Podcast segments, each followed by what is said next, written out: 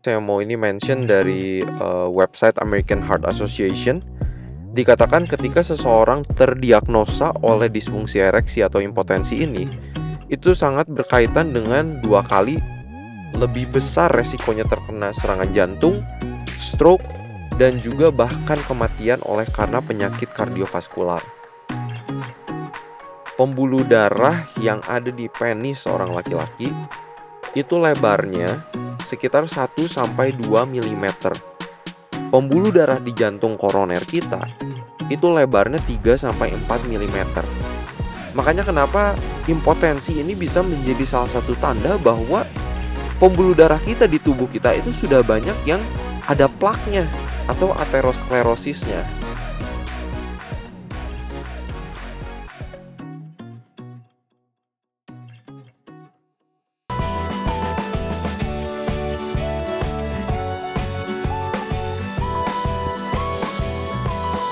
Hai, gue Willy Yonas.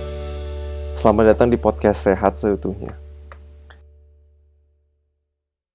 Halo semua, selamat datang lagi di podcast Sehat Seutuhnya bersama saya Willy Yonas. Di episode podcast kali ini kita akan ngomongin sebuah hal yang mungkin a little bit awkward, tapi semoga enggak karena maksudnya saya akan berbicara dari sudut pandang kesehatan gitu ya ini penting banget buat para laki-laki ataupun perempuan yang sedang mendengarkan ini karena pastinya kalian gak pengen orang yang kalian kasihi mengalami ini. Yang bakal kita obrolin hari ini adalah mengenai disfungsi ereksi atau impotensi. Kenapa ini penting? Kita lihat dari angka berapa banyak sih orang yang sudah mengalami impotensi atau disfungsi ereksi ini. Nah, kalau ngelihat dari data ini data dari 2018 penelitiannya kira-kira ada sekitar 150 juta laki-laki di seluruh dunia yang mengalami impotensi. Tapi mereka prediksi kira-kira akan menjadi 322 juta orang laki-laki di dunia yang mengalami impotensi di tahun 2025.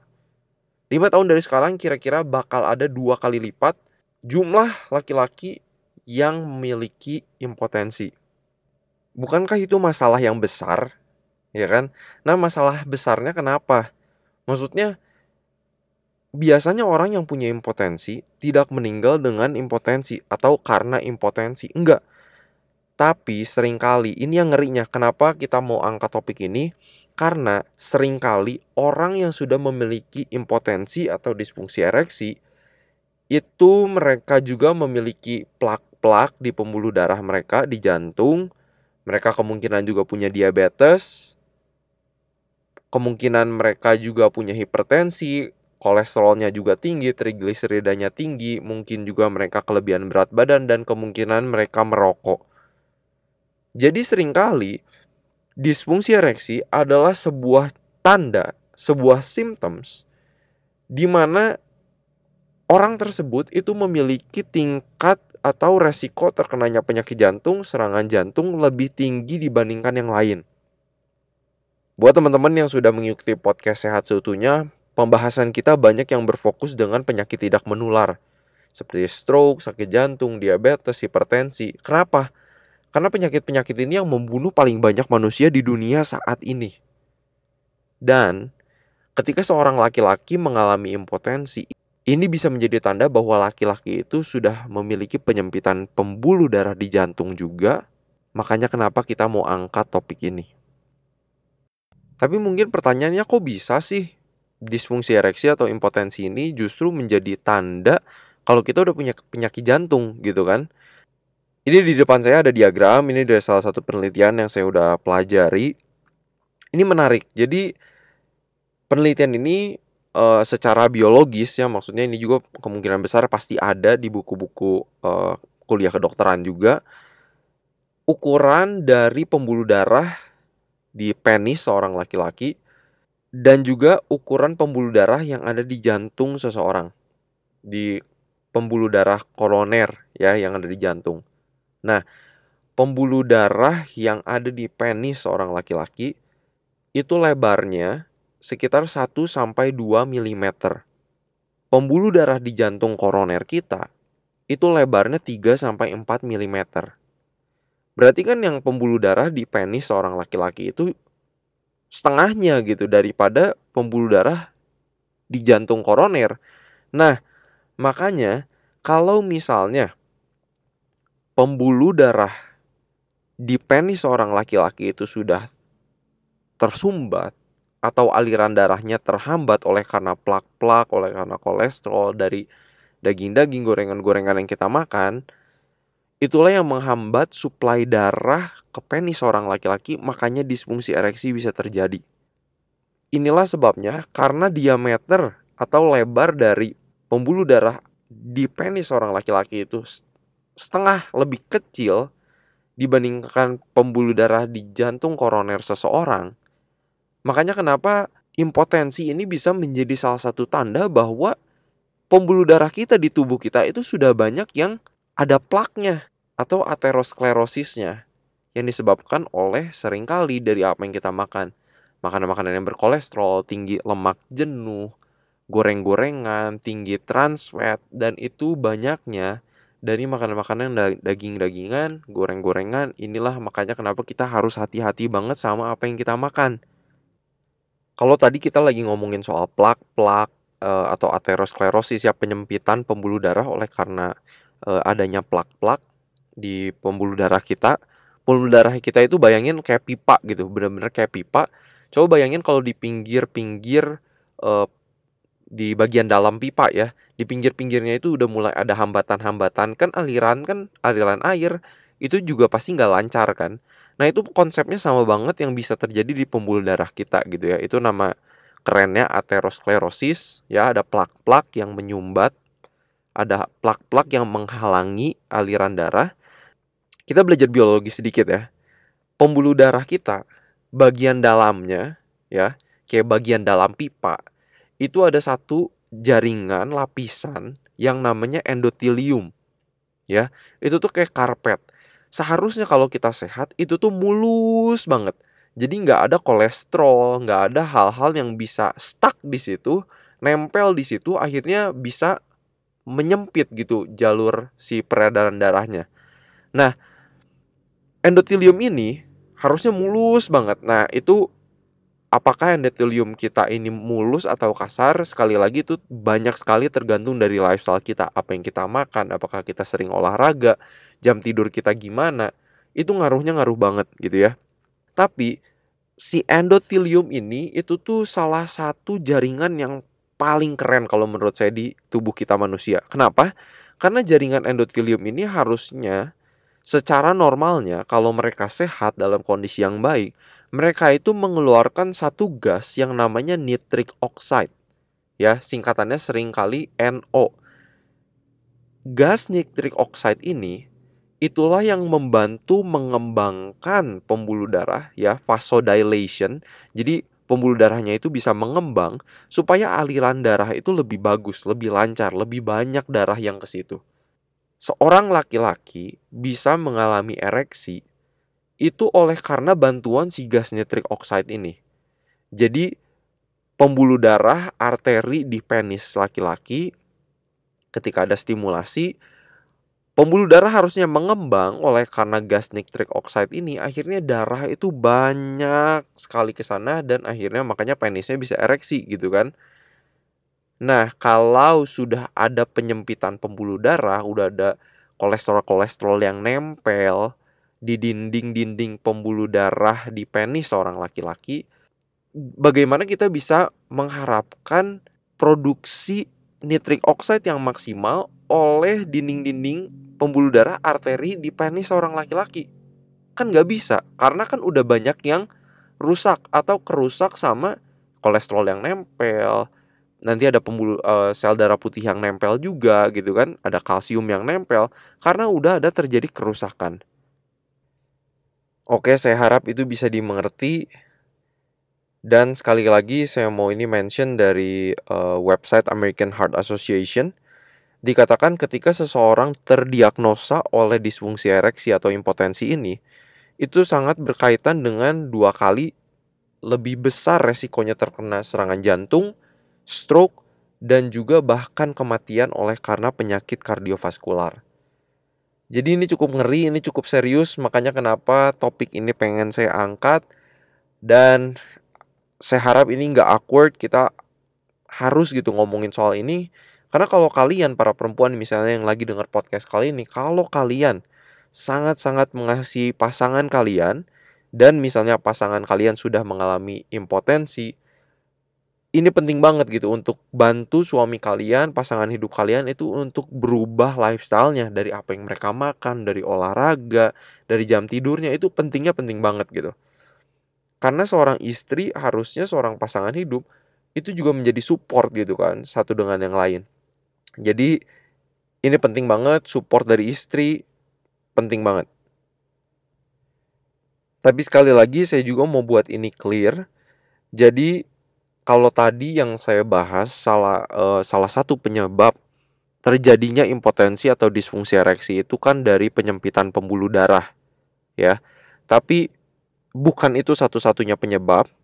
Penyebab-penyebab lainnya juga itu bisa disebabkan kalau misalnya ada e, masalah syaraf, bisa juga atau misalnya hormon juga bisa juga atau yang terakhir itu juga bisa terjadi kalau uh, gangguannya itu lebih di pikiran ya.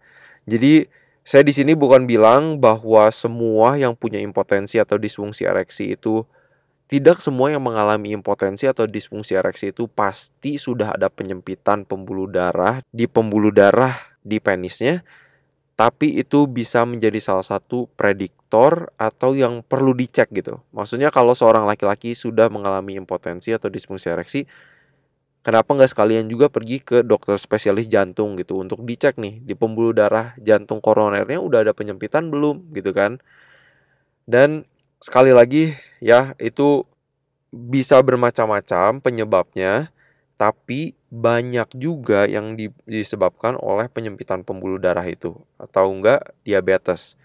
E, kenapa saya juga punya interest di topik ini? Karena ketika saya waktu itu di Washington DC, penelitian oleh sama Dr. Neil Barnard di PCRM, ketika sedang menjalankan penelitian soal diabetes, orang-orang yang sudah punya diabetes terus kita suruh untuk makan whole food plant-based diet, makanan-makanan nabati 100%, eh ternyata di akhir penelitian seorang partisipasi uh, partisipan dari penelitian ini ternyata diabetesnya membaik jauh banget jauhnya jauh banget. Nah, udah gitu, ketika dia memberikan kesaksian setelah uh, di akhir dari penelitian kita ini, beliau ngomong gitu. Ternyata sebelum penelitian ini, salah satu efek dari diabetes yang dia punya itu adalah disfungsi ereksi atau impoten. Dan ketika masalah diabetesnya sudah terselesaikan dengan whole food plant based diet, ternyata dia bisa fungsi dari organ reproduksinya dia itu bisa kembali normal lagi, bisa ereksi lagi gitu kan.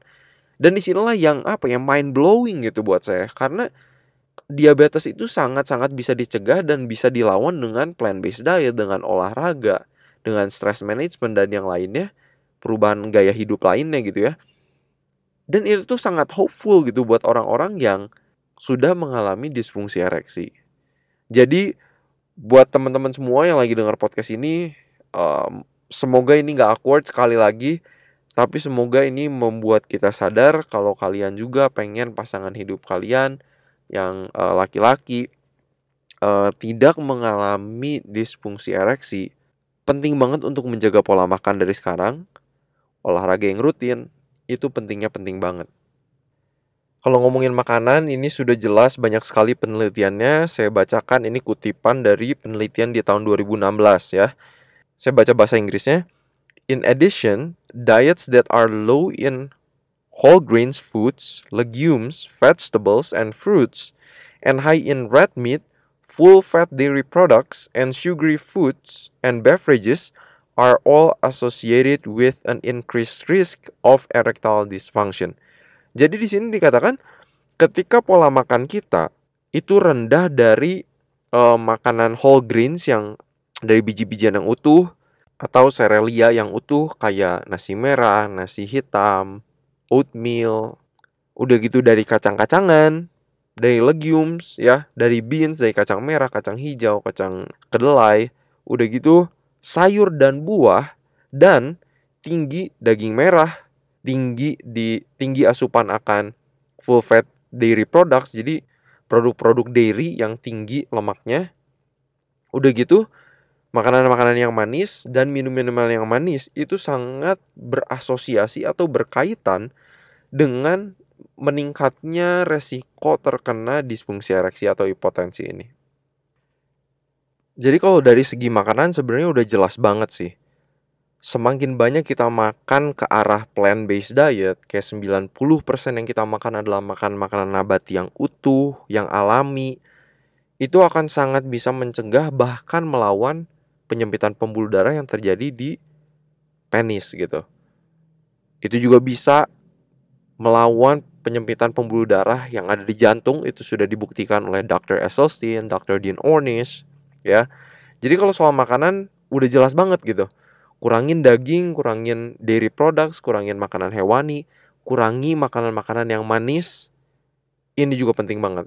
Jadi bukan berarti kita makan plant based tapi kita sikat makanan-makanan yang manis karena makanan manis itu basically plant based gitu kan. Tapi that's not the best choice ya. Topik ini sebenarnya menjadi cukup viral oleh karena ada satu um, bagian di dokumenter The Game Changers mengenai ini. Itu dilakukan oleh Dr. Aaron Spitz. Dia juga seorang penulis The Penis Book, A Doctor's Complete Guide to the Penis, From Size to Function and Everything in Between. Dia menulis buku itu, bukunya beliau. Tapi di dokumenter Game Changers ini ditunjukkan bahwa hanya sekali makan plant-based diet ketika dibandingkan dengan meat diet ketika mereka dibani, diberikan daging itu fungsi jumlah ereksi yang dialami oleh para pemain uh, American football itu beda banget. Jauh banget gitu. Padahal itu hanya dari sekali makan. Ini makanya kenapa topik disfungsi ereksi ini pun menjadi cukup populer dan menjadi sorotan banyak orang bahwa makanan kita itu sangat berpengaruh kepada fungsi ereksi dari penis seorang laki-laki. Ini juga ada penelitian-penelitian yang sudah menunjukkan bahwa ketika seseorang yang obesitas atau kelebihan berat badan, ketika mereka menurunkan berat badan mereka tambah olahraga, kemampuan alat reproduksi mereka untuk ereksi itu meningkat jauh gitu ya. Jadi kalau seseorang kelebihan berat badan, mungkin boleh dengar podcast serian saya mengenai, mengenai turun berat badan, bagaimana whole food plant based diet bisa menolong, dan juga bagaimana peran exercise dalam penurunan berat badan. Itu sangat bagus bila seseorang sudah mengalami disfungsi ereksi atau mau mencegahnya, ya. Penelitian soal hubungan antara olahraga dengan membaiknya disfungsi ereksi itu udah banyak banget juga Kalian tinggal search aja di PubMed, di Google, penelitiannya udah banyak banget. Tapi ini yang kerennya dari exercise ya sebenarnya. Kayaknya di podcast sebelumnya juga saya pernah mention, tapi ketika kita exercise, ada satu sel yang namanya endothelial progenitor cells.